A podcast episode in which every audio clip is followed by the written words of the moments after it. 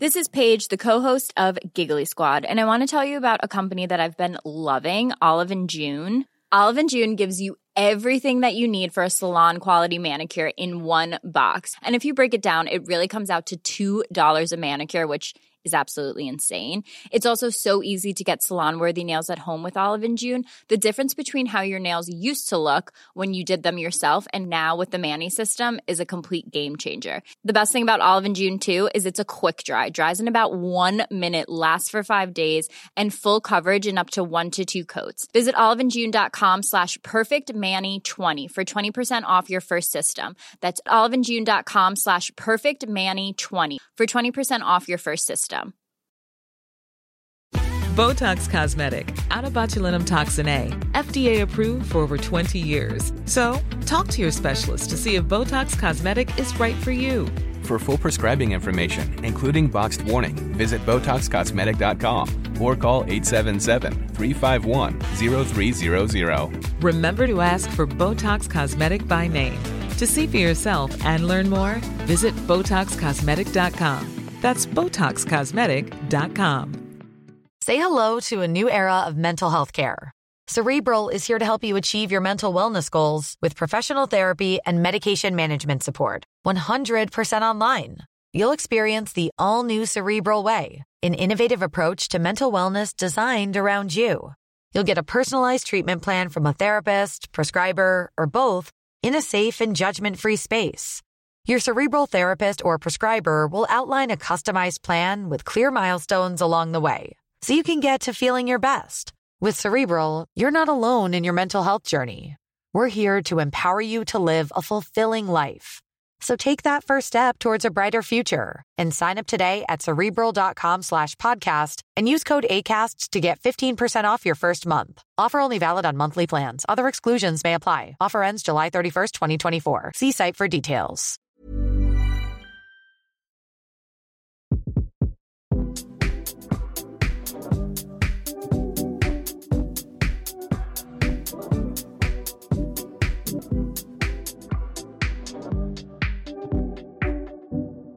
Har du reisefeber?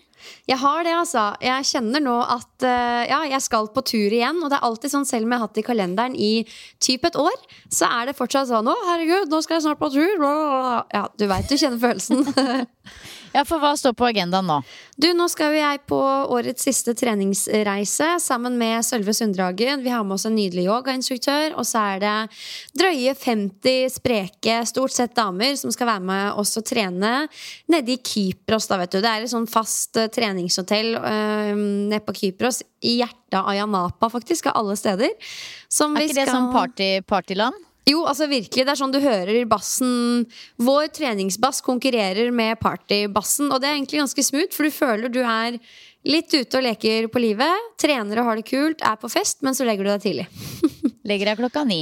Er hvem er yogalæreren? Hvem er yogalæreren? Dette er jeg veldig spent på. Ja, du, det var eh, litt artig, det der, for vi hadde egentlig en som skulle være med, men som melder avbud ganske tett opp mot uh, avreise. Så nå har vi fått med en annen en som heter Benedikte tror jeg hun het. Jeg husker ikke etternavnet. Boksås? Ja.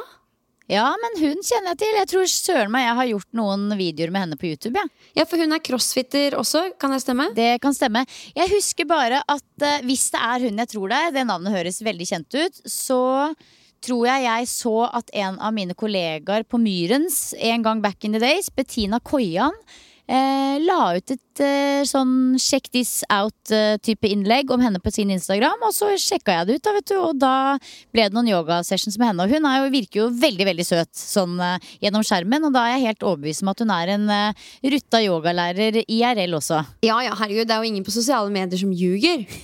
Og prøver å utgi seg for noe de ikke er. Nei. Det ville aldri skjedd. Nei, jeg har altså Sølve anbefalt henne, varmt anbefalt henne, og hun virker eh, dritålreit, så det kommer til å bli knallbra. Jeg gleder meg til å levere trening, men også være med på timer, nyte yogaroa ved, ved, i strandkanten. Det er, jo, det er jo en sånn getaway fra rutinene her hjemme. Jeg har liksom litt jobbting jeg skal få gjort som jeg aldri får tid til å ta tak i ellers. Det er virkelig en sånn nå drar jeg til Syden og henger med kule folk, men dykker også inn i egotripp-bobla mi. Fordi man sparer mye tid på ikke være en del av familiekabalen hjemme, da. Eh, og så er det jo, skal jeg innrømme, en litt rar tid å reise på også. Jeg, Nå skal ikke vi snakke om nyhetsbildet og alt som skjer, men det er veldig spesielle tider, da, så jeg kjenner at jeg eh, nå Siste dagen før reise så måtte jeg spurte om vi kunne spille inn digitalt hjemme. Og jeg avlyste en uh, avtale i Oslo med venninner bare fordi jeg var sånn Jeg vil bare klemme og kose på Sylvester og Simen og liksom Ja. ja, Jeg er litt sånn om dagen òg. Det tror jeg alle er. Altså, ikke, ja, det er liksom, kanskje uinspirerende start på en uh, episode av en podkast. Og det er jo på ingen måte meningen å være en partypooper, men det er litt sånn Jeg tror det er helt naturlig at alle har det om dagen. Fordi jeg tror at alt som liksom Alt virker på en måte litt banalt og meningsløst å snakke høyt om akkurat nå, med tanke på hva, som skjer med verdensbildet. Og Altså, Jeg hadde faktisk en på yogatimen min i dag som hadde en ekstremt stor reaksjon, sorgreaksjon, og det er ikke så veldig rart, fordi det er så mye sterke bilder som vi ser eh, akkurat nå på nyheter og i avisene. Og jeg- føler faktisk også selv at liksom, trening, kosthold og styrkeøvelser og hva man spiste til lunsj, liksom, det blir bare så dust å snakke om. Eh, når vi vet at våre medmennesker der ute opplever de sjuke tinga som faktisk skjer der ute. Eh, men samtidig da, så er det litt sånn Det er, da, det er liksom, når jeg virkelig liksom graver meg sånn ordentlig ned i det der nyhetsdypet, at jeg, man må jo også minne seg på at liksom Trening og alt dette her, det bidrar jo til å gi hverdagen vår mening, og det bidrar til å gi andre mennesker mening. Og alle mennesker trenger mening for å ha lyst til å leve. Altså det, det er faktisk sånn det er. Vi trenger å komme oss ut, møte folk, bevege på kroppen, istedenfor å liksom grave oss ned med vg.no. Og det er en samfunnsplikt å holde seg orientert nå og bidra med det man kan. Men det er også veldig viktig å holde samfunnet i gang og prøve å holde hodet i gang på en positiv måte. Så jeg syns det er dritvanskelig sjøl, jeg. Men eh, ja. Ja, Man veksler mellom en sånn følelse av at man ønsker å dykke inn og forstå, og man ønsker selvfølgelig å hjelpe, men samtidig så er det begrensa hva man får gjort. Og når man har en rolle som en slags influenser òg, så er det akkurat sånn som du sier, det kjennes meningsløst ut å dele noe som helst, men samtidig, ting kan ikke stoppe helt oppe heller, selv om verden er som den er. Så ja. Jeg løser det vel på den måten at jeg blir tvunget litt til å ta noen timeouts innimellom og dykke inn i det og kjenne på det, og så trekker man seg ut av det igjen og setter i hvert fall helt sinnssykt stor pris på det man har. Det snakka jeg med Simen om i går. Bare sånn Nervøsitet før foredrag, framtiden, om hvorvidt ting går oppover eller litt nedover. Altså Det har så lite å si i det store og det hele. Bare sett sjukt stor pris på hver eneste dag, og at du har et hjem, og at du har rutiner og ja, takknemlighet, da. Virkelig. Takknemlighet. Ja, 100% Og jeg tror akkurat altså, Jeg har heller ikke publisert noe som helst på Instagram uh, denne uka her, bare fordi at det Ja, det har jeg, bare da. Men ja. Ja, ja, jo, jo, men det, er, ja, men det er som du sier, at det, er en, det blir bare en sånn naturlig pause på en ting. Fordi at det bare er bare helt sånn eh, Nei.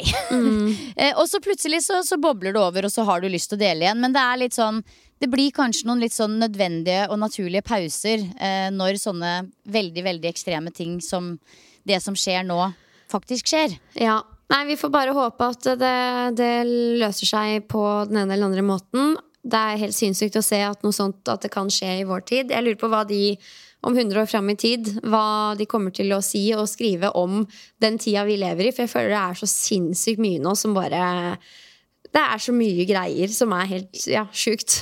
Ja, og så er det jo veldig tett på. Det er jo liksom tett på hele tiden. Eh, det er jo ikke sånn som før i tida, hvor man kanskje hadde en, et øyeblikk i løpet av dagen der man kunne samles og se på nyhetene, og det var det. Men det er jo på en måte i ansiktet ditt på en skjerm på en eller annen måte hele tiden. Så ja. Nei, men ja. Det er, det er, for, det er, det er jo, ja, igjen, dette er sikkert veldig sånn uinspirerende og litt sånn øh, festdempende start på episoden, men jeg tror ikke vi kommer unna at alle er ganske nede på grunn av ting som skjer rundt seg. Ja. Det er en helt vanlig medmenneskelig reaksjon på en sånn type tilstand som vi ser. Absolutt. Ja. Ja. And with that being said, altså jeg gleder meg til treningsreise, men jeg gleder meg enda mer til å spille inn dagens episode med deg. Tro det eller ei, vi er vel på sånn åttende-niende året, og det er fortsatt et høydepunkt å logge på og snakke med deg, Silje, om trening. Fordi uavhengig av alt annet, så er vi genuint og lidenskapelig opptatt, nesten litt kleint opptatt av trening. Og vi gleder oss! Vi gleder Altså, det er så gøy, og det er veldig artig, for jeg kommer rett fra Myrens nå, hvor jeg snakka med Pontus, som klipper podden. Hallo, hallo, Pontus. Og vi snakka om det, vi også, at det er på en måte bare sånn Det er en så etablert, uh, ukentlig fast sånn check-in, treningspodden, for deg og meg. Og for Pontus! Og for. Og for sikkert en del av lytterne våre. Og det er sånn, det er jo nesten litt sånn den terapeutiske timen, hvis du skjønner. Der vi bare får lov å la skravla gå. Så en litt sånn ekstra hyggelig lunsj, eh, tror jeg vi kaller det. Det er jo mye helse i det. Ja, absolutt. Og nå er det jo lyttespørsmål som vi skal ta for oss. Vi er fortsatt litt inne i sånn styrketreningsbobla den måneden her. Eh, Silje, du la jo ut en sånn spørsmålsboks på Instaen, da. Og da kommer jo mye av det beste, syns jeg. Altså, det er helt fantastisk å kunne spørre dere som lytter om hjelp til å lage gode episoder.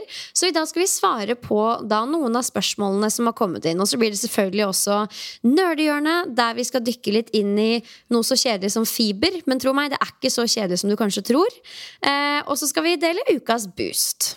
Ja, det skal vi. Vi har jo fått inn et hav av lyttespørsmål. Og det som var litt gøy den gangen her, var at ofte når vi spør etter lyttespørsmål, så er det veldig sånn det er liksom helt sånn Wild West. Det kommer liksom lyttespørsmål om høyt og lavt og alt mulig rart. Men her var det mye forskjellig variasjon, ja, men innenfor styrketreningsspekteret.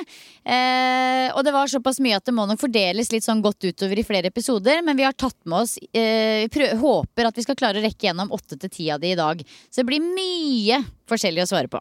Ja, men det blir bra. Og jeg, jeg mener jo å huske at uh, forrige ukes uh, episode, da snakka vi om at vi skulle på NIH, og at vi skulle lage liksom en omfattende episode av det. Men faktum er at jeg og Silje hang mest i gruppetreningssalen og koste oss og hadde det gøy. Altså Vi poppa kanskje inn i ett foredrag og så én slide, og så gikk vi ut igjen. Uff, det er så fælt! Og det, og det er så rart òg, fordi altså, ja, vi har jo laga episoder om NIH Convention mange eh, ganger før. Og, da, og det er jo på grunnlag av, grunnlag av at vi har deltatt på spennende, interessante foredrag om ting og tang.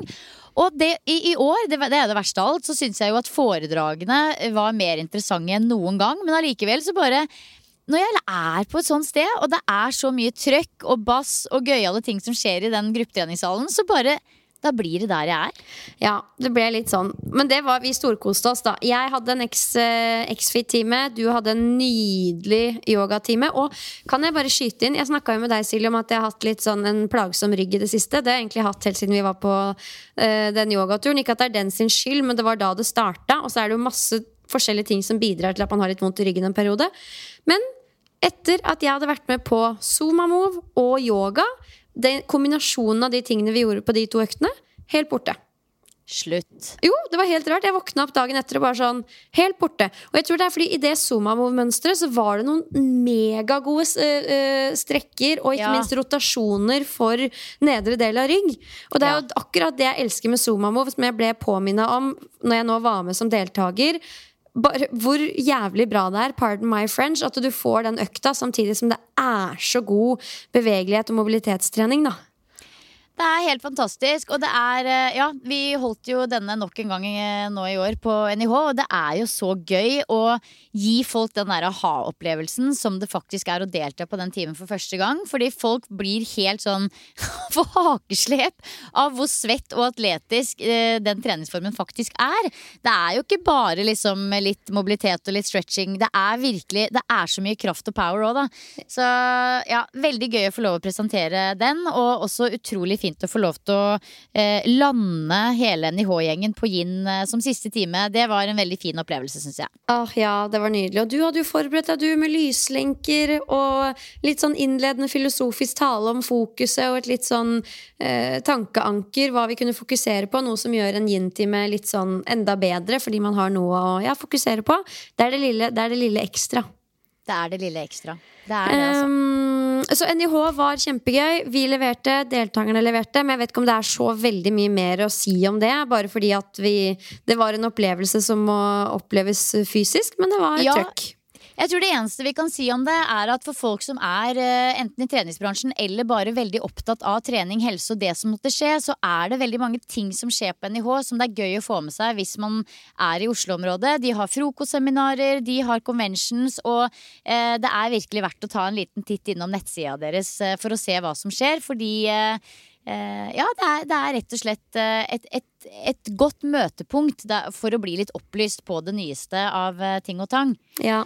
Ja. Ehm, men ellers, da? Du har, jo- vi har jo vært på NIH, så har jeg ikke snakka med deg siden da. Har du hatt en fin uke? Hva, what's cracking, good looking? Ok, hvis jeg bare, Nå som vi har snakka om eh, hvor dust det er å være overfladisk, så kommer det mest overfladiske du skal høre denne uka her nå. Det her er gøy. Oi, spennende. Jeg har nemlig fått en knebøyskade. Eh, men det er ikke en sånn skade som du kanskje tror. Fordi jeg var er det hos at du har frisøren. snubla et eller annet, eller noe sånt? Okay, nei, fortell. Nei, jeg var hos frisøren, og det er jo svært sjeldent. Altså sånn, det er virkelig sånn én til to ganger i året så er jeg hos frisøren.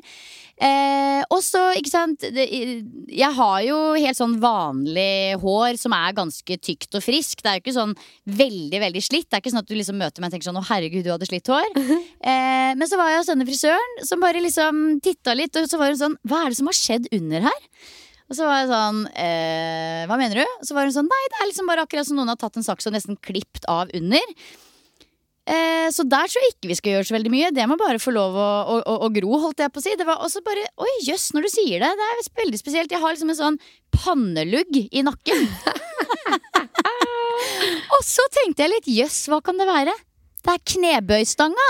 Det er det. Det her er gøy. Nå, altså, nå tipper jeg samtlige driver og kjenner seg i nakken. det er Knebøystanga! Ja, men Trener du med løst hår, eller? Nei, det jo, jeg gjør jo ikke det. Jeg har jo enten hår i hestehale eller i en dott. Men det er jo liksom tydeligvis sånn at liksom, Og du skal jo heller ikke ha eh, stanga liksom oppå nakken og ligge og gnikke på, de, eh, på den stakkars nakka. Den skal jo liksom litt godt ned på ryggen. Men jeg tror kanskje idet jeg går under stanga, så legger jeg den litt for langt opp på nakken. Og, Og så så liksom slider du ned, liksom. slider jeg den ned, og der ryker håret. Der kan du se. Det er godt du har litt å ta av. Hvis det var meg, så hadde jeg jo faktisk mista Det hadde vært halve håret mitt. Da. Ja, men nå har jeg jo bare tenkt at nå må jeg nesten bare i en periode prøve å bruke spenner for å få det vekk. For å se om jeg, om jeg kan kvitte meg med den uh, panneluggen da, som jeg har i nakken. Ja, men Den har jo ingenting å si. Pluss at jeg syns at vi skal uh, embrace den på lik linje som vi embracer træler. Hvis man Ja. er en treningsjente, så har man bustete håndflater, og man har en sånn pannelugg i nakken som stikker velvillig ut. Altså Kanskje nakkelugg er det neste? Ja, altså 100% rock on! Ja, nei, så Det er vel kanskje det mest spennende som har skjedd denne uka her. Beklager, altså. Det har ikke noe mer å bidra med. Nei, du, det er helt greit. Jeg har vært i Bergen en tur og holdt foredrag og en treningsøkt. Det var gøy. Um, Men fortell, hvem Var det for et advokatfirma? Ja, det var det. Det var en som hører på treningspodden. Shout-out eh, til deg, Jannicke, hvis du hører på nå. Eh, vi har vært back and forth lenge, hatt i kalenderen en stund, og endelig var det dags. Så det var fly til Bergen, holde et forhåpentligvis inspirerende foredrag, etterfulgt av en treningsøkt, og så fly hjem igjen. Så det var jo helt konge og minna meg litt om gamle dager, for da gjorde jeg mye mer sånt. Eh, sier fortsatt ja hvis det passer seg sånn og forholdene ligger til rette, men det blir litt mindre av det nå enn før, så det var, eh, det var veldig moro å få lov til å gjøre det. Eh, og utover det så nærmer jo adrenalin seg åpning. Lasse Tufte, som jeg, er en av de jeg gjør dette her sammen med, han er sånn 13. november er åpningsdatoen. Og jeg er sånn Altså, lokalet er fortsatt helt tomt. Gulvet har ikke kommet. Altså, jeg klarer ikke å forstå hvordan vi slash han skal få det til. Eh, men han er overbevist, da. Og det som er at fra og med i morgen, når jeg reiser på treningsreise, og en uke fram, det er da alt utstyret kommer. Ja, Det er faktisk veldig gøy. Altså Ja. 13. november. Myrens treningssenter åpna jo en gang eh, back in the days i 2007. 1. november. Sier du det? ja? 1. november. Ja, men det kan du se. Ja, nei, jeg vet da søren hvor, hvor lang tid det tar å åpne treningssenter. Så det er i hvert fall spennende tider. Jeg, jeg er med på noe jeg ikke helt vet uh, hva er. Og ja, nei, det er eh, utrolig moro. Jeg, selv om jeg har mye å gjøre fra før, og det her kommer litt i tillegg, så mm, kjenner jeg at det er veldig riktig og moro å være i de prosessene jeg er i med adrenalin, og få lov til å skape, skape det miljøet jeg har lyst til, da. Altså det er veldig gøy, for I går så sendte jeg faktisk en melding til det jeg trodde var deg. Men det var Lasse Tufte, fordi han hadde delt noe du hadde delt, hvor det var et bilde av deg. Så Derfor så trodde jeg det var deg. Så jeg svarte på den meldingen. Eh, og så var det jo ikke deg, det var Lasse Tufte. Og da skrev han bare 'Det går helt fint, meg og Pia holder på å bli samme person om dagen, vi, så ikke tenk på det'. Helt riktig. Vi er, eh, blir closere og closere. Det var sånn Ja. Her om dagen så satt vi i et møte om bussreklamer, og så var jeg sånn Ja, Jeg hadde ikke trodd for et par uker siden at jeg skulle sitte her i et møte om bussreklamer med Lasse Tufte, men det er merkelig hvordan verden funker noen ganger. Ja, altså universet tar oss til de rareste steder. Ja, Så det er, det er spennende. Nå er det treningsreise. De gutta skal gjøre masse i lokalet mens jeg er borte. Og så er det hjem, litt gratis bootcamper og sånn, så hvis du bor i Drammen, følg med i mine kanaler.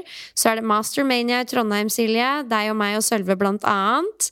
Helgen etter der er det treningshelg i Kragerø med meg og Sølve. Og så begynner vi å se julebrunosten i det fjerne. Oh, jeg føler liksom at det var i går ja, at vi snakka om julebrunost i tjeningspodden, men nå er den søren meg ute i butikk eh, hvert øyeblikk. Det er sjukehus. Det er flaks at jeg bulker, hæ? Nei, det blir bra.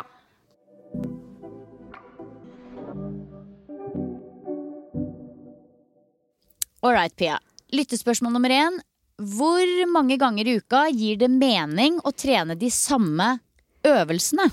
Ja, og da tenker jeg at vi, vi snakker nok mest sannsynlig om styrketrening her. Og det er jo ikke noe fasitsvar, det kommer an på. Men jeg vil jo si at veldig mange vektlegger nok det med variasjon litt for mye. Det viktigste når det kommer til å få resultater med i hvert fall muskelvekst, da, og det å få bygge mer muskulatur på kroppen, er jo at du fortløpende utfordrer muskulaturen. Ikke da i form av å variere øvelser og treffe den på nye måter. og kall det overraske muskelen, men heller bare at du øh, tillegger muskelen nok belastning, nok strekk og drag, men også sammentrekning, til at den blir skikkelig utfordra. Og så må den klare å hente seg inn igjen. Og så kan du gjerne gjøre den samme øvelsen igjen. Øh, og kanskje da legge på litt vekter, men i den samme øvelsen, og få fortsatt en god effekt. Så øh, jeg tenker jo at som en del av et styrketreningsprogram, så kan du helt fint teste ut og gjøre en øvelse både én og to ganger i løpet av en uke. Spesielt om du har som mål å bli f.eks. sterkere i si knebøy, da. Um, så hvis jeg, skal, skal gi, hvis, jeg skal, hvis jeg skal gi en konkret anbefaling, så vil jeg jo si at én øvelse kan, og i noen tilfeller kan med fordel, gjøres to ganger i uka. Jeg tenker jo mer enn det. Ja, men da er det sånn, da kan du heller altså sånn, Istedenfor å gjøre bare knebøy, så kan du kanskje gjøre en frontbøy. Men så kan du også eh, variere repsantall. Så hvis du gjør tunge knebøy dag én, så kan du gjøre lettere knebøy på, um, på, dag to. Så du kan jo også variere på den måten, og da er det jo samme øvelse, men med litt mer variasjon. Um, ja, det er jo alltid eh, lurt å ta med seg variasjonsprinsippet. Og en øvelse kan jo gjøres på utrolig mange måter, men det er jo òg mange øvelser man kunne faktisk gjort hver eneste dag. Um, sånn egentlig. Ja, men det kommer jo helt an på hva slags type styrke man trener, og hva som er målet. Men men eh, to ganger i uka bør, bør, man, bør, man, jo nesten trene en øvelse for å bli sterkere i den spesifikke øvelsen. Ja, og så er det viktig å skille mellom er målet ditt å bli sterkere, eller er målet ditt å bygge muskulatur? Eller er det begge deler? For hvis du skal bli sterkere, spesielt i en bestemt øvelse, så setter det større krav til spesifisitet, at du må ha fokus på akkurat den øvelsen og det bevegelsesmønsteret. Men hvis målet er generelt å bygge muskulatur, så kan du like gjerne ha en beinpress den ene dagen, utfall den andre dagen, strake markløften tredje dagen. Altså fordi målet er egentlig i aller størst grad å bare belaste muskulaturen nok og finne den gode balansen mellom uh, utfordring og hvile. Så det setter jo også litt føringer for uh, i hvor stor grad du kan uh, variere øv øvelsesutvalget ditt. Men jeg vil si at mm. også med tanke på muskelvekst, så er det ikke noe mål å liksom utføre eller ha et størst mulig variasjon i treningsuka di. For også der så er du tjent med å klare å utføre en øvelse på en så god måte at du utfordrer muskulaturen på en god måte. Når du lærer deg en ny øvelse, så er det ofte litt sånn calling, du er ikke helt sikker på teknikken, du flytter litt på beina, det er litt fram og tilbake. Så vi ønsker å standardisere måten du gjør øvelsen på, treffe muskulaturen på en god måte, og så jobbe med det over tid, da. Mm. Ja, Absolutt. Så det er vårt svar på det. Ikke noe svart-hvitt, men du kan nok med fordel gjøre en styrkeøvelse to ganger i uka eller oftere. Ja. I hvert fall uh, uh, Ja, gi samme muskelgruppe belastning på styrketrening to til tre ganger i uka, da, hvis målet er uh, fremgang av noe formforslag. Absolutt. Ja, ja. Altså, du kan belaste en muskelgruppe langt oftere enn en gang i uka. Men ja. om vi snakker om det, så er det sånn du har et, et gitt, en gitt mengde med volum, og så handler det om å fordele det volumet ut på en best mulig måte. Og da er det både sånn fysiologisk sett, hvordan du skal påvirke kroppen og muskulaturen, men også hva som funker for deg, hva slags type du er. Liker du tunge løft? Liker du lettere løft? Det er veldig mange ting som spiller inn, og jo mer jeg lærer om trening, og også får innsikt i forskning, det her med hva du trives med, og hva du liker, det er så viktig. Både fordi det er større sannsynlighet for at du faktisk gjør trening over tid, men også fordi det at du trives med en øvelse og tenker sånn ja, dette funker for meg, dette kjennes bra ut, det er viktig informasjon fra kroppen og dine følelser om at dette er nok mest sannsynlig bra for deg. Da. Det er en god måte for deg å gjøre det på. Banalt eksempel, noen velger bort markløft fordi de får vondt i ryggen av det. Sånn er det bare. Og det er helt greit. Mm, absolutt. Eh, ok, Spørsmål nummer to. Tips til tunge øvelser kun med manualer, altså til hjemmetrening, da. Ja. Manualer, da tenker man jo kanskje hantler. Eh, er vel det jeg ser for meg. Er ikke hantler og manualer det samme? Jo, det er jo det. Ja, Det det. Ja, ikke sant? Så Mm. bare sånn at uh, alle vet hva vi snakker om her. Så ikke, ikke nødvendigvis kettlebells, men manualer eller Nå lurte jeg på om jeg kom til å få et sånn eh, bulgarske utfall-moment her. Det kunne skjedd. Det kunne skjedd. Ok, kjør. Uh, nei, jeg tenker uh, øvelser da. Uh, kjempefine øvelser med manualer er jo f.eks. gående utfall. Det blir fort tungt nok. Eh, trusters, der hvor du bruker manualene, setter deg ned i en dyp knebøy og skyver opp til en skulderpress. Eh, Ettbens strakmark er fine øvelser med manualer. Eventuelt bulgarsk splittbøy, som jeg nå har satt inn i mitt eh, styrketreningssystem. Uh, Eh, Ettbens hip thrust er fin. Uh, ellers så er det mange fine overkroppsøvelser også, som f.eks. stående roing, enarmsro, skulderpress uh, osv. Så, videre. så det fins jo egentlig et eh, eldorado av fine, tunge øvelser man kan jobbe med manualer. Og for min del, altså jeg, jeg fikk jo ordentlig tilgang på utstyr hjemme for aller første gang under korona. Før det så hadde jeg jo liksom bare typen matte, og, og, og det var det, liksom.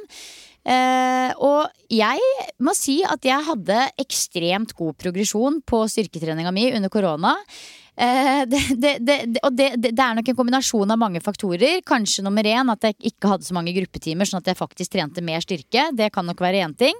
Eh, og så hadde jeg mange korte styrkeøkter jevnt utover uka istedenfor få lange styrkeøkter på gymmet. Og, og jeg bare trente rett og slett helt annerledes enn det jeg pleide å gjøre i en periode på liksom ett til to år. Eh, og hadde egentlig kjempegod framgang på styrketrening. Så det er absolutt ingenting i veien med å, å, å trene kun med manualer hjemme. Du kan absolutt trene tungt nok og godt nok. Ja, virkelig. Det føler jeg, som du sier, at koronaen beviste for oss. Jeg driver og flytter Trent nå over fra en portal til en app. Ja, lang historie, så den skal, Trent skal pusses opp litt. Og Trent det er, handler jo utelukkende om effektiv hjemmetrening. Der trener vi med manualer, altså hantler, eh, store deler av tiden. Og det er som hver gang jeg har økter der, så blir jeg så fascinert og overraska over hvor slitsomt og bra vi faktisk kan trene hjemme kun med sånn relativt enkel belastning. Og de beste vennene dine, som Silje sa, det er jo gjerne ettbeinsøvelser.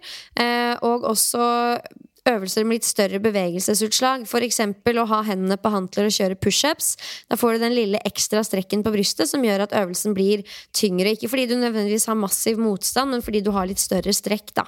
Så um, ja, se på det som en mulighet til å lære deg tung eller styrketrening hjemme. Ja. Ok, Det neste spørsmålet, det elsker jeg. Kan dere definere hva en nybegynner på styrketrening er? Ja, det er spennende. Det kan jo defineres på litt ulike måter. Og altså, én måte å si det på er jo en person som aldri har tatt i en vekt før på noen som helst måte. eh, Og som aldri har utført en eh, styrkeøvelse, i hvert fall ikke bevisst, og som tenker at eh, nå skal jeg lære meg å gjøre en knebøy. Det er jo, vil jeg jo si, absolutt en nybegynner. Og da kan du være superretunert på f.eks. løping eller en eller annen utholdenhetsidrett, men det betyr ikke dermed at du har trent mye styrketrening før. Eh, Så den, den føler jeg jo sier seg litt selv, og jeg føler at det er svaret mitt. Men det er også viktig å understreke at selv om du har trent en eller annen form for styrketrening tidligere Altså Styrketrening kan jo være så mangt. Det kan være med egen kroppsvekt, det kan være calisthenics, det kan være ulike yogaformer. Eller så har du den klassiske styrketrening på studio. Knebøy, markløft, benkpress, disse øvelsene her, da. Ehm, Og ofte når man begynner å jobbe med f.eks. kunder og skal starte på en styrketreningsreise, litt uavhengig da av hvor lenge de har trent en eller annen form for styrke, så kan man se på hva de løfter i gitte løft, for å si noe om styrketreningsalder i gåseøyne. Og da kan man også bli sett på som en nybegynner, selv om man har valgt å trene Eller selv om man har trent styrke lenge, fordi man ikke har opparbeida seg en viss styrke i de løftene, da. Det er jo en litt sånn snever måte å se det på, men samtidig så er det jo viktig også, fordi det sier noe om hvor er du hen i denne prosessen med å løfte masse vekter. Og selv om ja. du har trent mye funksjonell styrke og crossfit, så betyr ikke det at du er sterk i styrkeøvelser. Og da er du på sett og vis i noens øyne nybegynner, og da snakker vi gjerne ofte, ofte om dette med uh, styrketreningsalder, da. Ja, Det er veldig godt poeng, og jeg tror det er en snever måte å se på det på. Samtidig så er det jo den metoden som jeg tror altså Nå aner jeg ikke, ting har sikkert endra seg veldig, men når jeg jobba mye som PT før, som er mange år siden, så var jo det på mange måter den metoden vi brukte. At hvis en person f.eks. løfta én RM, ett løft med egen kroppsvekt, så var man kanskje eh, typ en nybegynner. Eh, mens hvis man dobla den vekta, da begynner vi å snakke viderekommen. Altså liksom, ikke sant? At det, det, det var kanskje et eh, Eh, litt dårlig eksempel akkurat der, men man, bruk, man, bruker på en måte litt sånn eh, kalkulerte metoder sånn som det for å, å, finne ut hvor du er på styrketreningsreisen. Men jeg er jo også nybegynner når jeg begynner med en ny øvelse, selv om jeg har trent styrke mange år. Så idet jeg begynte å leke meg med muscle up, så var jo jeg nybegynner i muscle up. Så det blir jo på en måte Ja, det er, det er, jeg tror det er vanskelig å definere hva en nybegynner er. Ja, absolutt. Ja. Uh, ja, for hvis du snakker om knebøy. Skal vi se for kvinner. Du, er, fra, du, kan si at det går fra nivå 1 til 5. Her finnes det ulike nivåer, da. Men uh, nivå 1, da løfter du 0,75 av egen kroppsvekt. Da er du liksom virkelig en nybegynner. Og nivå 5, altså top notch, du er, uh, du er i mål. Det er man jo aldri, men du skjønner. Da løfter man 1,75 ganger egen kroppsvekt.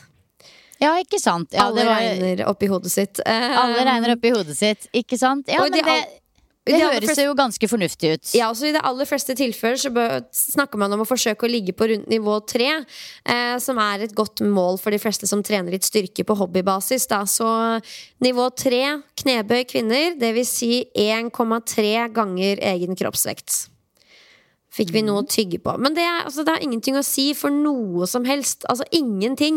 Men uh, siden vi fikk dette spørsmålet, så var det interessant å svare på det òg. ja, ja, absolutt. Um, ok, kan dere ta oss igjennom deres styrketreningsuke akkurat nå? Ja, det kan vi jo. Ja, jeg har jo akkurat uh, eh, endra litt uh, på mitt styrketreningssystem. Uh, så jeg er på en måte egentlig ganske nylig i gang med et nytt program som ikke skiller seg så veldig fra det andre, men likevel litt. Og jeg har nå kjørt i gang med en uke der hvor jeg har én eh, litt sånn god, lang styrkeøkt på mandager eh, som varer i opp mot 90 minutter. Der jeg kjører tre til fem tunge baseøvelser som tar litt tid. Og etterfulgt av en del litt sånn kall det kjedelige terpeøvelser i ringer, som også tar litt tid.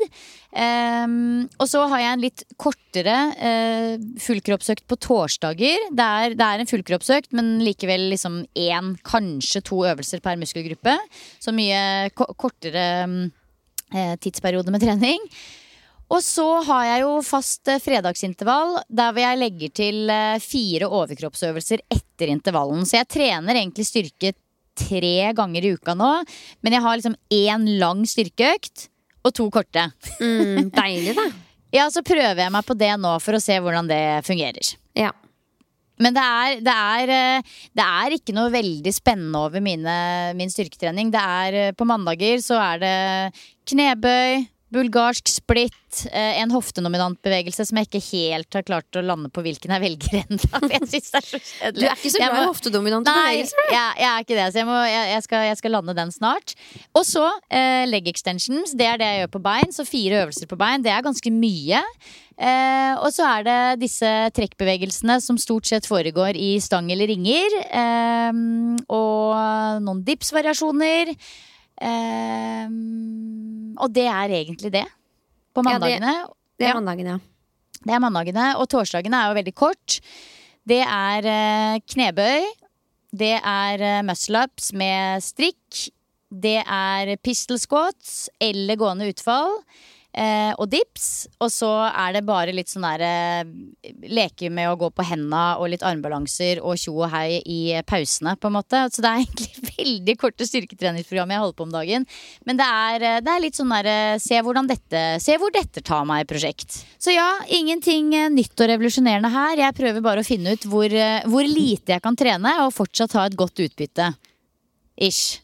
Ja, men Det er jo nydelig. et nydelig sted å være, spør du meg. Ja. Så hva med deg, Pia? Hvordan ser din styrketreningsuke ut?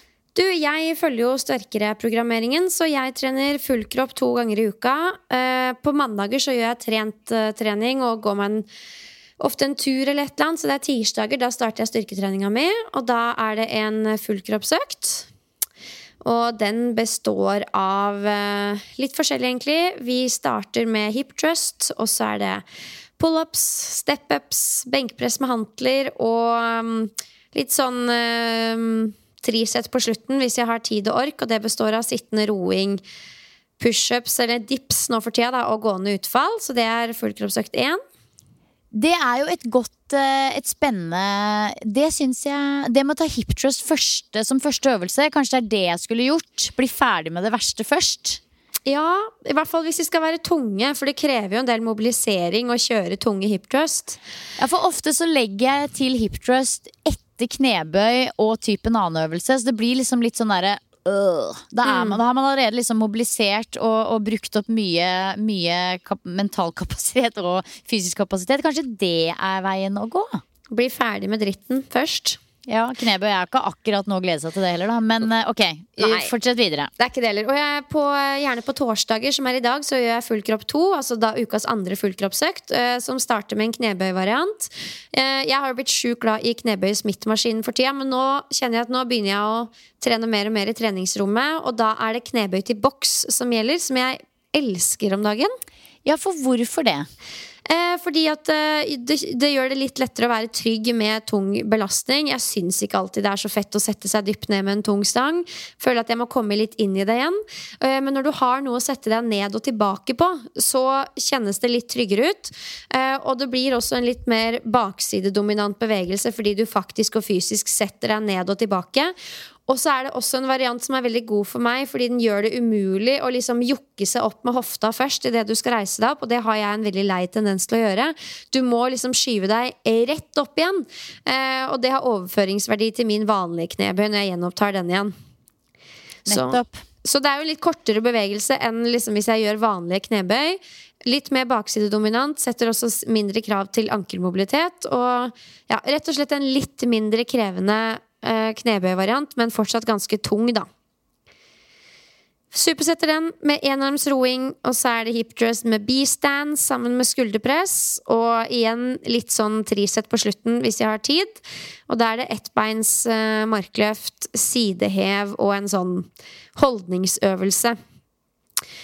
Og så har jeg en overkroppsøkt og en eh, beinøkt som jeg tar litt sånn som eh, når det passer seg. Og hvis jeg bare rekker tre styrkeøkter, så har jeg også da en alternativ fullkroppsøkt. Hvor jeg liksom har slått sammen det beste fra overkropp- og underkroppsøkta da, til en tredje fullkroppsøkt. Og den blir jo ofte på jeg prøver å få til en styrkeøkt på fredager, og så én i løpet av helgen. Men det er ikke alltid det går. ass. Det er liksom Nei. Tre funker, fire det, Da må det prioriteres. Ja, da må det prioriteres. Og det er litt, eh, jeg syns det er litt tungt å ha en økt hengende over meg i helga òg. Det, det som er med helg, er at jeg får alltid trent i løpet av helgen på den ene eller andre måten, men det er veldig deilig å ikke ha en økt som skal sjekkes av, hvis du skjønner hva jeg mener. Men at det mer er en sånn I dag løper jeg meg en tur. I dag ble det plutselig fleks å ta en styrkeøkt i hagen. I dag går jeg på yoga. At det er liksom mer en sånn derre eh, Hva skal jeg si? Litt sånn derre lysbetont eh, greie som man gleder seg over, enn noe som må gjennomføres.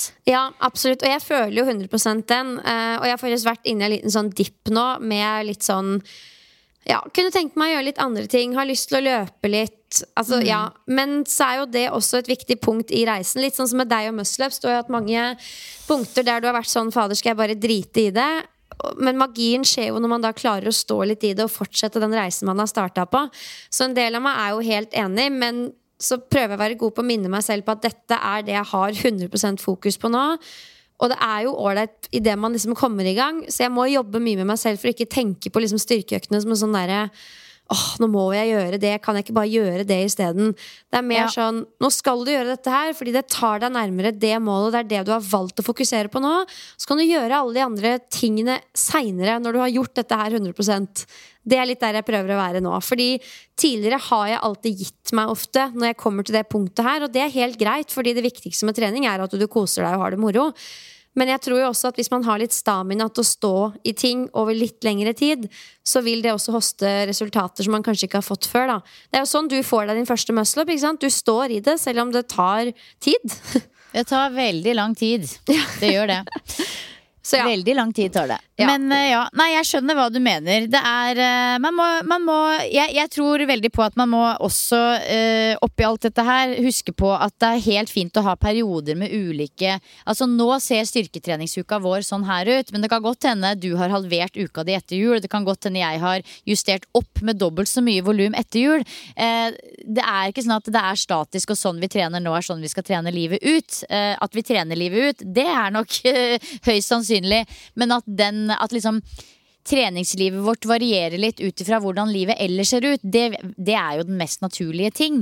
Så, så det, det programmet jeg følger nå, det starta jeg opp i uke 40 og skal følge til desember. Det er jo ikke en så lang periode, og da er det mulighet for å justere både opp og ned ved, etter behov og ønske. ja, absolutt. Um, ja, neste spørsmål. Hvilke utstyr ville dere prioritert å kjøpe til hjemmetrening? Eh, der ville jeg prioritert å kjøpt en door gym som du kan henge opp i en dørkarm. Og det gjør at du kan utføre varianter av chins og pullups, gjerne med strikk i begynnelsen. Men du har også et feste som du kan feste en strikk i og trekke ned, som gir eh, ryggtreningsmuligheter. Så jeg ville jo da også kjøpt eh, strikk, gjerne med ulik motstand. Og så ville jeg kjøpt eh, hantler. Enten liksom noen Et par hantler og et par kettlebells. Gjerne en eh, kettlebell på 16 kilo og en på 20. Og et par hantler på 10 kilo og et par på 6 kilo. For da har du på en måte hele belastningsområdet. Du kan trene ganske tungt på bein, men du kan også gjøre litt lettere overkroppsøvelser. Eh, Men det aller beste hadde kanskje vært å kjøpt justerbare hantler, sånn som jeg har på hytta, for da har du på en måte bare to store rakkere som kan eh, justeres fra typ 3 til eh, 24 kilo. Ja. Jeg har ikke så mye mer å adde på der, bortsett fra of course yogamatte. Selvfølgelig. Hva ellers? Hva ellers? um, må man ha hviledager, er neste spørsmål. Åh, spør man en yogi om det? Nei da. Jeg tenker jo ja, men samtidig, det kommer an på. Fordi Altså, hvorfor, hvorfor i alle dager skulle vi ikke hatt på en måte hviledager fra trening? Det, det, det, jeg ser ikke helt poenget i å trene hver eneste dag. ehm, når livet består av så mye mer gøy og viktig enn trening. Men så er jo litt definisjonen på trening. Det er jo det som også avgjør hva er egentlig definisjonen på trening. Jeg har ikke en eneste dag hvor jeg ikke beveger meg eller er aktiv på en eller annen måte så langt jeg ikke er syk. Det ser jeg ikke noe poeng i, fordi jeg elsker å være aktiv. Eh, så det å bevege seg på en eller annen måte, det tenker jeg er eh, noe man bør prioritere å gjøre hver eneste dag. Men det å liksom trene systematisk, tung styrketrening og systematiske tunge kondisjonsøkter, det blir noe helt annet. Eh, og jeg tenker heller at liksom når livet består av så mye gøy og spennende, hvorfor ikke prøve å finne ut liksom, hvor lite kan jeg trene for å få kjempegod effekt? Eh, sånn at man kan bruke mer tid på venner og natur og familie og, og andre typer interesser. Eh, at man på en måte finner ut litt sånn hvordan man kan trene for å leve og ikke leve for å trene, rett og slett. Men det kommer jo helt an på hva folk ser på som trening. Altså Noen ser jo kanskje på det å være på yogamatta i, i 20 minutter også på liksom, Ok, da sjekker jeg den, da har jeg trent i dag. Når jeg gjør det, så tenker ikke jeg selv at jeg har trent. Det, det gjør jeg også på en hviledag. Eh, så det kommer litt an på hva man definerer som trening, tenker jeg. Ja, For meg er det litt sånn Altså trening, da er det noe du gjør aktivt for å gå inn for å bli bedre på den ene eller andre måten. Du, du har liksom et forhold til på hvilken måte du skal pushe deg, og du har et oppsett. Mens bevegelse er mer sånn ja, ja, jeg bare går ut og surrer litt med det, og så gir det meg en godfølelse. på en måte Det er litt mer sånn generelt, da. Ja, Um, og, Ja, det er eksempel på onsdager når jeg har hjemmekontor, så kan det godt være at jeg knyter på meg eh, joggeskoa og faktisk tar meg en liten joggetur eh, som varer i 20 minutter. Bare for å lufte hodet før liksom barna kommer hjem og vi skal starte på middagen. Hvis du skjønner. Men det er ikke nødvendigvis sånn at jeg skriver i treningsdagboka mi denne dagen har jeg trent kondisjonstrening. Det er på en måte bare for å få litt bevegelse og frisk luft, hvis du skjønner. ja, absolutt. Har du noe sånn eh, mål om skritt hver dag, egentlig? Eh, ikke noe sånn mål om skritt hver dag, men jeg er alltid over 10 000 i hvert fall. Nå er jeg på 11 000. Mm. Eh, så det, det er Jeg tror hvis jeg ikke automatisk hadde vært det, så hadde jeg kanskje hatt et mål om antall skritt. Men i og med at det alltid blir tilfredsstilt med ganske mange skritt, så tenker jeg ikke så mye på det. Nei. Hva med deg? Ja, Jeg kan ha noen hjemmekontordager der jeg må gå meg en ekstra runde for å få 10 000 skritt, og da gjør jeg det. Jeg, der er jeg Ja. blitt ganske sånn, jeg skal ha 10 000 skritt hver dag. Og husker når jeg la ut det på Instagram, da gikk jeg i regnet, så var jeg sånn ha-ha, denne regelen er ikke alltid like gøy. Så var hun sånn, men kan du ikke bare droppe det? Og greia, jeg kan jo droppe det, men men det bare får meg til å føle meg så bra etterpå. Og jeg synes at For meg så er det enklere å være sunn hvis man har noen sånne grunnleggende helseregler om at det er ting man bare gjør. Det er som å pusse tenner for å opprettholde en god helsehygiene. Eh, så det Ja. er litt, eh, blitt litt mitt sånn forhold til sånne enkle, banale regler. Så når jeg er på hytta og sånn nå, hvis jeg bare har typ 5000 skritt, så er det sånn Med mindre jeg er sjuk, så skal jeg ut og ha den bevegelsen, liksom. Ja, jeg er i grunnen litt lik, eh, men det er ikke mm, Altså jeg tenker Når det gjelder de skrittene og den turen som du tar der, det handler jo ikke nødvendigvis om de skrittene, og det handler heller kanskje ikke om egentlig eh, aktiviteten i seg selv, men det handler jo om det å bare komme seg ut, få litt dagsluft, eh, nei, litt, ja, litt frisk luft, dags, dagslys, og, og, og rett og slett bare ta seg selv ut av liksom den hjemmekontorsituasjonen. Da. Eh, så det er jo på en måte en sånn, et sånt helhetlig tiltak til bedre helse, ikke bare for mosjonens del. Eh, Ja, jeg slutter meg Også- til det. ja, og så jeg bare si én ting til også, for det, det kommer så an på det spørsmålet der. Må man ha hviledager? Nei, man må kanskje ikke ha det, men jeg tenker at jo, man bør ha det. Men jeg tror jo for eksempel for min egen del, situasjonen ville jo vært en hel annen hvis jeg var 20 år, ikke hadde barn og trente på et crossfit-gym. Da ville jeg jo sett på det som det morsomste i verden å bare få lov å være på det, den boksen hver eneste dag. Selv om det var trening, så var det likevel liksom Det dekka alle behovene mine for å være sosial, ha det gøy, leve et spennende liv. Mens det blir jo Det kommer helt an på situasjonen ellers i livet, om man har barn og alt mulig rart. Men i utgangspunktet så ønsker jeg å leve et liv der hvor jeg trene fordi jeg syns det er gøy, men prioriterer veldig mye andre ting også. Og det ville jeg ikke få tid til hvis jeg trente hver dag. Ja, og sånn treningsfaglig sett så er det heller ingen grunn til å, at du må ha hviledager, men det er heller ikke noe sånn grunn til at du ikke skal ha det. Det er ikke sånn at mer trening gir deg bedre resultater. Det er Du får mer effekt opp til et visst punkt, og så trener du deg bare nedover.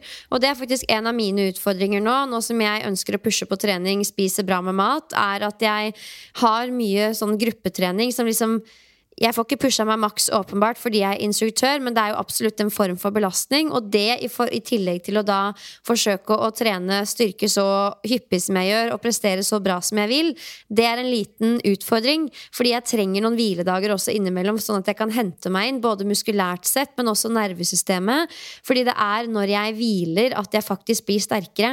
Så hvis jeg trener på tirsdag og drar tilbake og trener igjen på onsdag uten å være restituert, både sånn generelt sett, men også i en gitt muskelgruppe, så får jeg ikke den effekten ut av treninga som jeg ønsker. Så um, det er litt viktig å huske på akkurat den biten også. Gi noe mer fasitsvar enn det blir vanskelig, fordi det kommer helt an på treningsmengden din, utgangspunktet, nivå, alle disse tingene. Men husk i hvert fall at det er når vi hviler at kroppen tilpasser seg. Ja. Ja. All right. Spiser dere annerledes de dagene dere trener styrke? Eh, nei, jeg spiser egentlig likt over hele linja. Samme næringsinntak uavhengig av om jeg trener styrke eller ikke den aktuelle dagen. Akkurat det samme her. Jeg spiser heller ikke annerledes de dagene jeg trener styrke, men Jeg spiser nok automatisk litt annerledes de dagene hvor jeg har harde eller lange kondisjonsøkter. Og det er ikke fordi at jeg planlegger det, men det er fordi jeg er mer sulten. Så jeg, jeg vil si at jeg kan ikke huske én eneste gang jeg har løpt meg en lang langtur eller trent uh, intervalltrening hvor jeg ikke har spist kveldsmat. For det, uansett om jeg spiser middag klokka halv seks eller seks, så er jeg sulten igjen klokka åtte. på en måte. Mm, mm. Så de dagene jeg trener kondisjon, så er jeg mer sulten, og da spiser jeg mer mat. Mm. Eh, hvordan bake inn kondisjonstreningsøkter når man samtidig vil bygge muskler, er neste spørsmål. Hvis målet er å trene kondisjonen, altså få bedre kondisjonsform, så er jo ikke det veldig tidskrevende. Så det er på ingen måte umulig, selv om målet egentlig er å bygge muskler. Eh, og en enkel måte å gjøre det på er jo f.eks. den intervallformelen som vi nevnte sist uke, fire ganger fire. Eh, det er ikke veldig vanskelig å legge til en kort styrkeøkt eller kjøre som en økt for seg selv. Eh, da er du fiks ferdig på no time. Eh, og det er litt sånn at sant, Kondisjonstreningen i seg selv er jo ikke noe som kommer til å ødelegge for målet om muskelvekst, men det handler jo om at man prioriterer tiden man kunne brukt på muskelvekst til å trene kondisjon. Eh, men det er likevel liksom, det er såpass gunstig å ha god kondisjon at i et helseperspektiv så er det å anbefale. Eh, det, det, er å anbefale å trene kondisjon selv om målet egentlig handler om styrke og muskelvekst. da. Mm. Så hvordan man baker det inn du kan helt enkelt kjøre en 45 minuttersøkt én gang i uka, og så that's it. Og om du baker inn det eh, før eller etter en kortere styrkeøkt, eller eh, på morgenen samme dagen som du trenger skal styrke på kvelden, eller om du gjør det en dag for seg selv, det spiller ingen rolle. Nei. Nei. det er det at du må velge å prioritere det. Og hvis man er f.eks. begrensa i tidsbruk da, og ønsker å makse muskelveksten, så er det jo selvfølgelig leit om mye av den tiden går bort til kondisjonstrening, men samtidig som for helsa så er det jo absolutt hensiktsmessig, spesielt om hverdagsaktiviteten ikke er der. Hvis du ikke får opp pulsen på noe som helst måte i løpet av uka, så burde man jo kanskje prioritere det. Og da gjelder det å se etter superenkle måter å gjøre det på. Kanskje du gjør det ute i frisk natur, så du slipper å dra på treningssenteret enda en gang. Transporttrening, det har vi snakka om før, er supert. Løping er bra, men det kan også påvirke styrketreninga, i hvert fall på bein, ganske mye. Så det kan være lurt å f.eks. se på mulighetene for å kjøre det på et ellipseapparat, eller kanskje en romaskin, bare for å ikke gå rundt med de blytunge beina hele tida. Um, så ja, hold det short and sweet. Gjerne en høyintensiv økt i løpet av uka hvis du føler at du har lyst til det og at du trenger det. Men også liksom lengre turer i skog og mark, opp og ned og bort og fram, er jo kjempefint. Bare få opp pulsen og kjenne at blodpumpa går. Mm.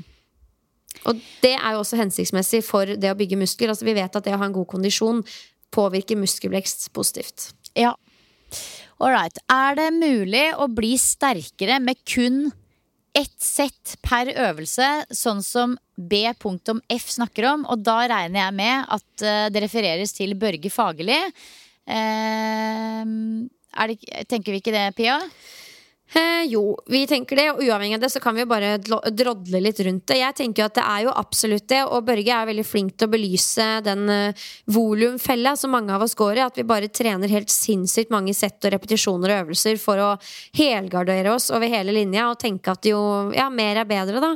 Eh, men sånn er det jo som sagt ikke alltid. Og det at man har veldig mange øvelser sett, gjør jo at man bevisst eller ubevisst kanskje spare litt krutt. Sånn hvis jeg starter med en knebøy, så tenker jeg ok, dette skal være tungt, men jeg har jo tross alt en og en halv times økt foran meg, så da går jeg ikke like tungt. Hvis du ikke har den tankegangen og er litt mer sånn dette skal være short and sweet, så nå må jeg virkelig bruke den tida jeg har, eh, så er det også større sannsynlighet for at du kan pushe litt hardere, løfte tyngre, eh, gå litt mer i kjelleren, ha mindre reps i reserve på de settene du faktisk har tilgjengelig. Um, når det er sagt, så skal det litt til, og du skal være på et visst nivå for å klare å pushe deg såpass mye på kun ett sett.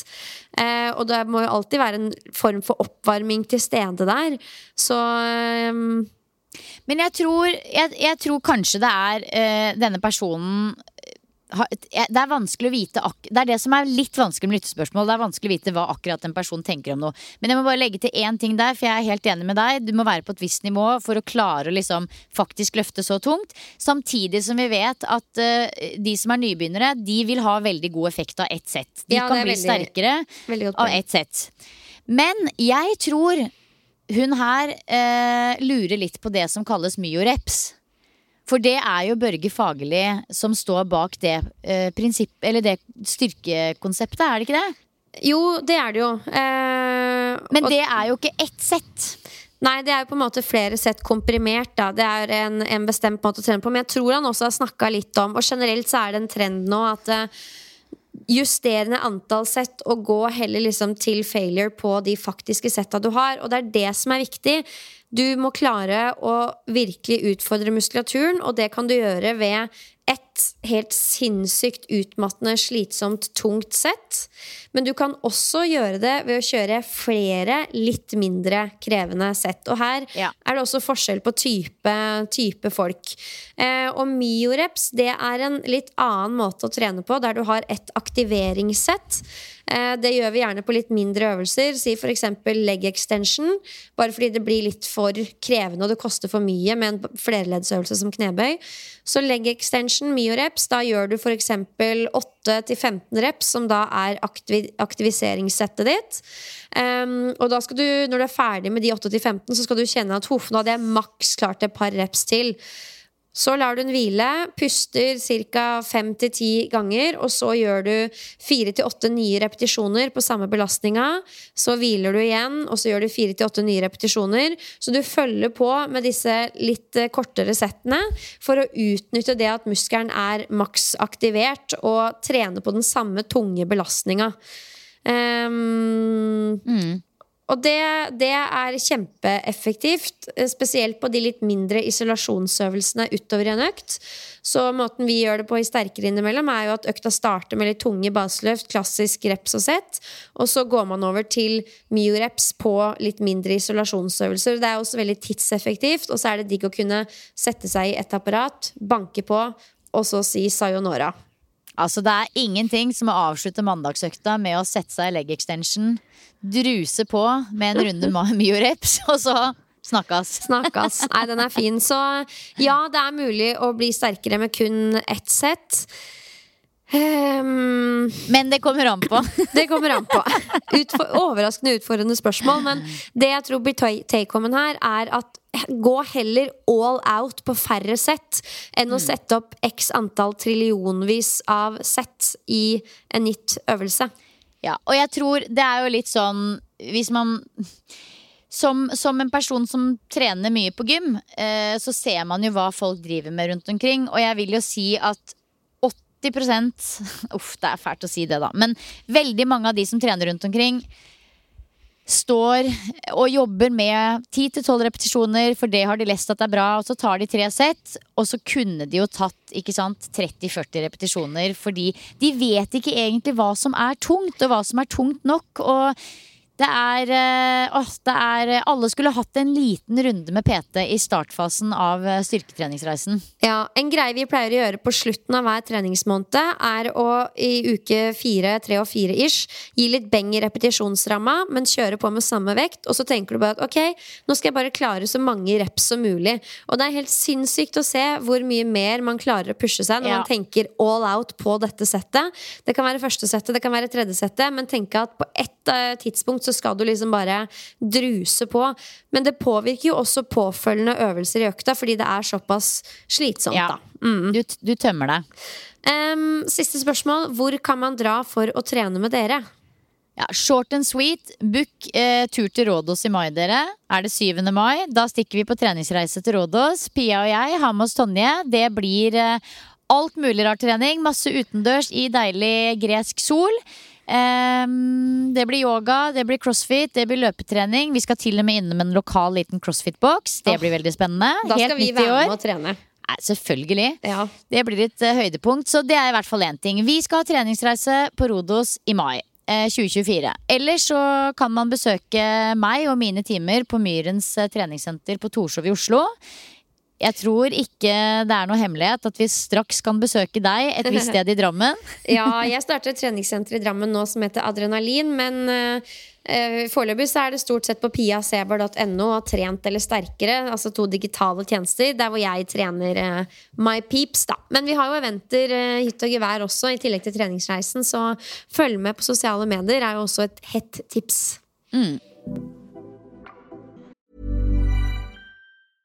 Cool fact a crocodile can't stick out its tongue. Also, you can get health insurance for a month or just under a year in some states. United Healthcare short term insurance plans, underwritten by Golden Rule Insurance Company, offer flexible, budget friendly coverage for you. Learn more at uh1.com. Botox Cosmetic, out of botulinum toxin A, FDA approved for over 20 years. So, talk to your specialist to see if Botox Cosmetic is right for you. For full prescribing information, including boxed warning, visit BotoxCosmetic.com or call 877-351-0300. Remember to ask for Botox Cosmetic by name. To see for yourself and learn more, visit BotoxCosmetic.com. That's BotoxCosmetic.com. Quality sleep is essential for boosting energy, recovery, and well-being. So, take your sleep to the next level with Sleep Number. With a Sleep Number smart bed, you can individualize your comfort level and enjoy a better sleep night after night. JD Power ranks Sleep Number number 1 in customer satisfaction with mattresses purchased in-store. And now the Queen Sleep Number C4 smart bed is only $1,599, a saving of $300 only for a limited time. For JD Power 2023 award information, visit jdpower.com/awards. Only at Sleep Number stores or sleepnumber.com. Every fan knows the right player in the right position can be a game changer. Put LifeLock between your identity and identity thieves to monitor and alert you to threats you could miss. Plus, with a U.S.-based restoration specialist on your team, you won't have to face drained accounts, fraudulent loans, or other losses from identity theft alone. All backed by the LifeLock Million Dollar Protection Package. Change the game on identity theft. Save up to 25% your first year at LifeLock.com slash aware.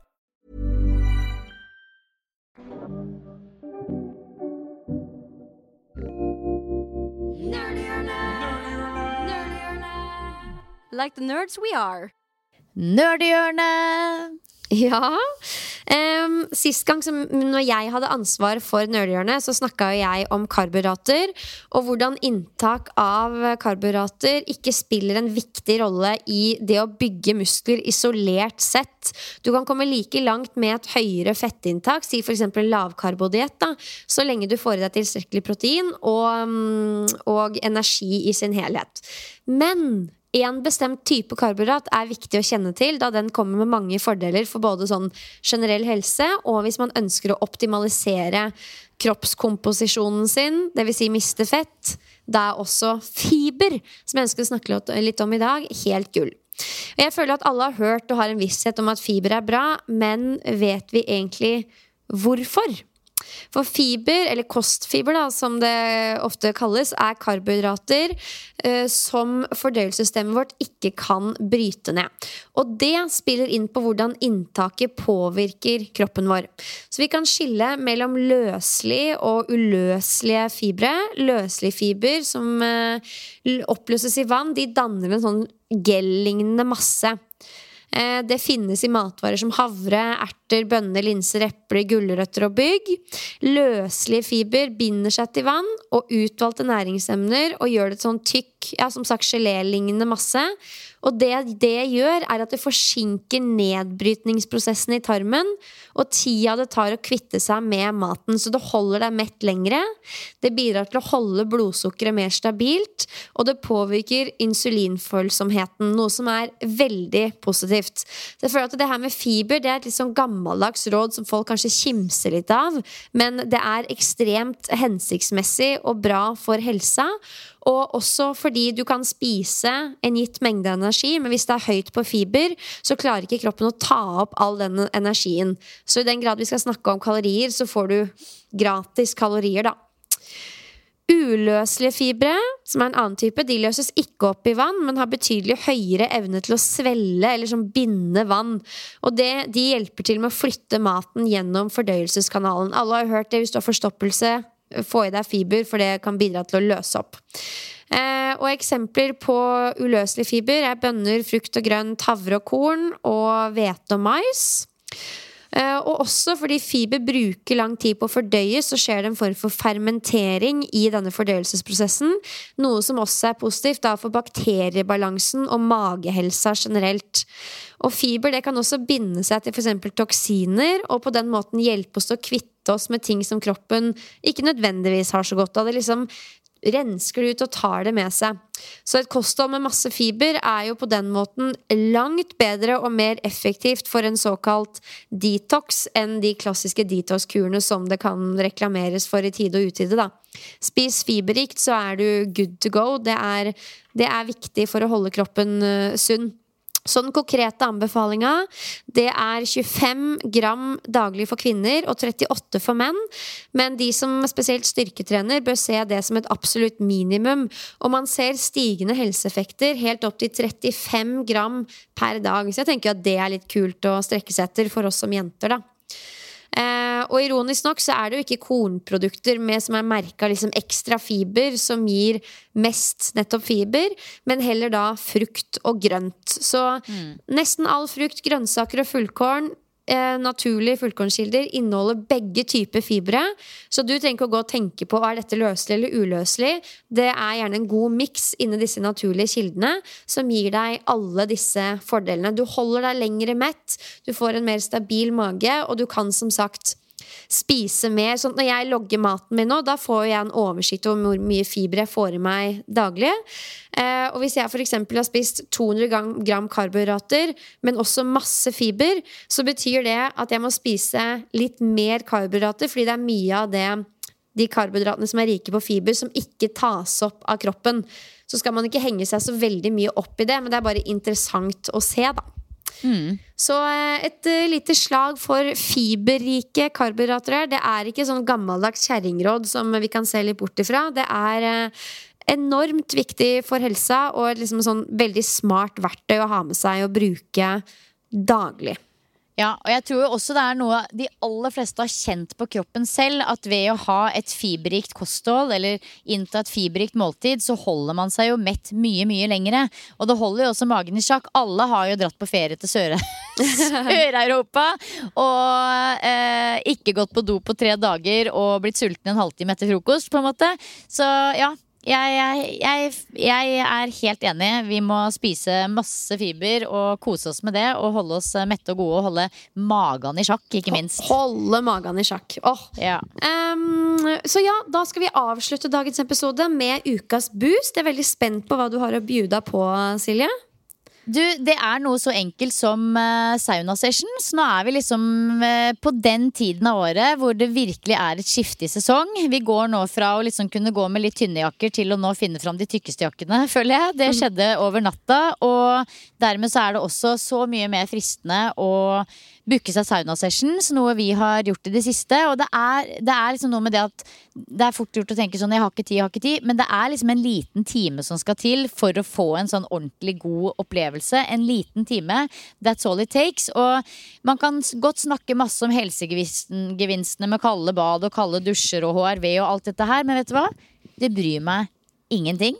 For det, det, er rett og slett bare en sånn digg og koselig ting å gjøre. Og jeg bare føler at det også er en sånn ting som liksom alle skal snakke om i et helseperspektiv. Men det, det er ikke sånn at liksom alt vi gjør her i livet, trenger å være noe vi gjør fordi vi ønsker å oppnå noe. Det kan også bare være en fin ting å gjøre.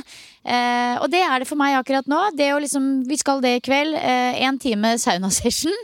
Det er digg, og det er enkelt, og det gir på en måte både ro og litt sånn velvære, samtidig som det gir et lite kick på samme tid, fordi man ofte også bader i kaldt vann. Så sauna, kjør på. Nydelig. Åh, mm. Jeg må komme meg i gang med badstue. Det skal jeg gjøre når den travleste perioden er over.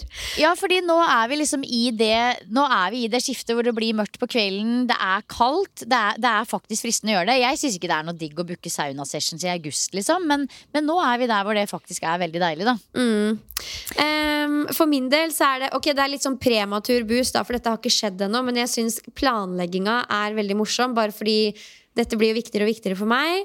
Eh, jeg og sammen med Adrenalin skal nemlig arrangere en eh, familiebootcamp her i Drammen når jeg kommer hjem fra treningsreise. Og i researchen til det så har jeg liksom søkt Prøvd å liksom undersøke hvordan man trener barn. For hvordan trener man barn? Altså sånn, hvordan skal man hjelpe de til å ha det morsomt, men samtidig få en treningsøkt? Og det skal ikke være bare for barna, det skal være for de voksne også. Eh, og da har jeg liksom lært mye gøyalt i forhold til hvordan man kan legge opp økter både for barn, men også voksne. Og jeg føler at jeg har fått utvida horisonten min litt med tanke på hvordan man kan legge opp økter. Så vet jeg jo at mange av de som hører på treningspodden, de er liksom ambassadører og trenere rundt i siden på sitt sted. At kanskje flere av oss kan ta inch til å arrangere familiebootcamper. For jeg tror jo veldig mange foreldre setter pris på eh, et tilbud på en lørdag f.eks. møtes klokka 11 og trener med barna, så du slipper å sette bort de hver gang man skal gjøre noe fysisk. Um, så det har gitt en skikkelig boost. Jeg har testa litt av det med Sylvester, og det er, bare, det er veldig moro. Det er jo hyggelig å gjøre fysiske ting sammen med ungen sin. Eh, og jeg vet jo også at uh, Funky Gine og mannen hennes Morten De har jo skrevet en bok om dette her nå. Noe mm. jeg tenker at er helt fantastisk. Den skal jeg bestille. Um, og der kan man kanskje få litt ideer, flere ideer da, til hvordan man kan legge det opp. Så um, det er en boost slash tips, da, bare fordi at uh, jeg blir veldig glad når jeg klarer å utvide horisonten min sammen med Mini og familien, på en måte, hvis det gir mening. Absolutt. Men kan du gi oss en liten smakebit på hva vi får? Jeg er jo 99 eh, sikker på at meg og mine kommer. Vi har, vi allerede snakka om dette her rundt middagsbordet, og vi er supergira. Og det er gøy! Nei, altså det blir jo litt Det blir jo lek og moro og litt sånn her Sett på musikken, og så kommer prompesangen, og så nei, var ikke den! Sånne ting. Og for meg som trener, som er litt sånn det er ikke helt min trenerstil egentlig, men da er det veldig moro å kunne leke seg litt med sånne ting. Eh, og så blir det kanskje litt tautrekking og litt sånn uhøytidelige konkurranser. Først kidsa, ja, først kidsa, og så de voksne. Og så gjenstår det å se da hvor mye av lokalet som er ferdig til den tid. Det vil også bestemme hvor mye av innsiden av gymmet vi kan bruke. Det er hovedsakelig en utendørsøkt. Så mm, ja, det er en liten, liten smakebit. Ah, veldig moro, altså. Nei, mm. men jeg tror uh, veldig på det du sier. Det er jo ingenting som er så gøy som å få lov til å være aktive sammen. Om det er på ski eller på snowboard eller på treningssenter eller på en utendørs bootcamp. Nå i helga så har vi veldig lyst til å være med på Bygdøymila. Det er et løp uh, som ser helt fantastisk ut, som jeg aldri har vært med på. Det også, være med på løp nå så lenge det er mulig og bart og fint ute trene sammen, rett og slett. Det, tren sammen og ha det gøy sammen. Ja, og jeg tror essensen din er det å gjøre noe. Altså, trening gir veldig mye mening for oss som mennesker som er glad i trening. Og det å få lov til å dele det med barnet sitt på en måte som er gøy for alle. At du ikke bare sitter på gulvet og bygger Lego, liksom. Det kjennes Det er veldig givende for meg, da. Ja. Og for sånn som deg, og sikkert det som hører på. Ja, jeg, skal, jeg, eh, gleder meg til å se boka til Funkygine. Når jeg så, jeg, jeg så, at de la det ut på Instagram i går, eller når det var, så var det sånn selvfølgelig. Ja. En sånn bok må jo noen skrive, og det er klart det er Funkygine. Ja, det var helt nydelig. Ja. Eh, skal sies at jeg har hatt boka Foreldretrening på papiret lenge, men jeg har ikke kommet så langt. Nei, trening, trening, for foreldre som en videreføring av trening etter fødsel. Men ja. eh, det ser litt mørkt ut for den boka nå, altså. Ja. det, bli, det, er greit å ha litt ting på bucket-lista, da. Det er mellomnavnet mitt, det. Du, nå skal jeg løpe. Jeg skal hente i barnehagen, og vi skal gå tur, og vi skal kjøpe en bursdagsgave, og det er ikke måte på. Så, og så må jeg pakke, og herregud, jeg har ikke starta på det engang. Ja, vet du hva? Stort lykke til med både det ene og det andre. Og hils Sølve, og vi snakkes på Kypros. Det gjør vi. Alle sammen, ha en nydelig uke, og så poddes vi snart. Det gjør vi. Adios.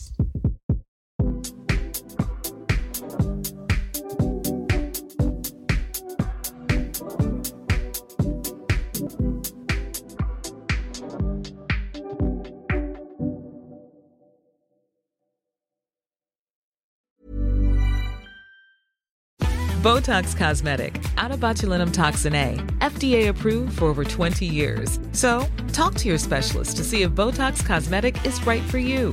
For full prescribing information, including boxed warning, visit BotoxCosmetic.com or call 877-351-0300. Remember to ask for Botox Cosmetic by name. To see for yourself and learn more, visit BotoxCosmetic.com. That's BotoxCosmetic.com.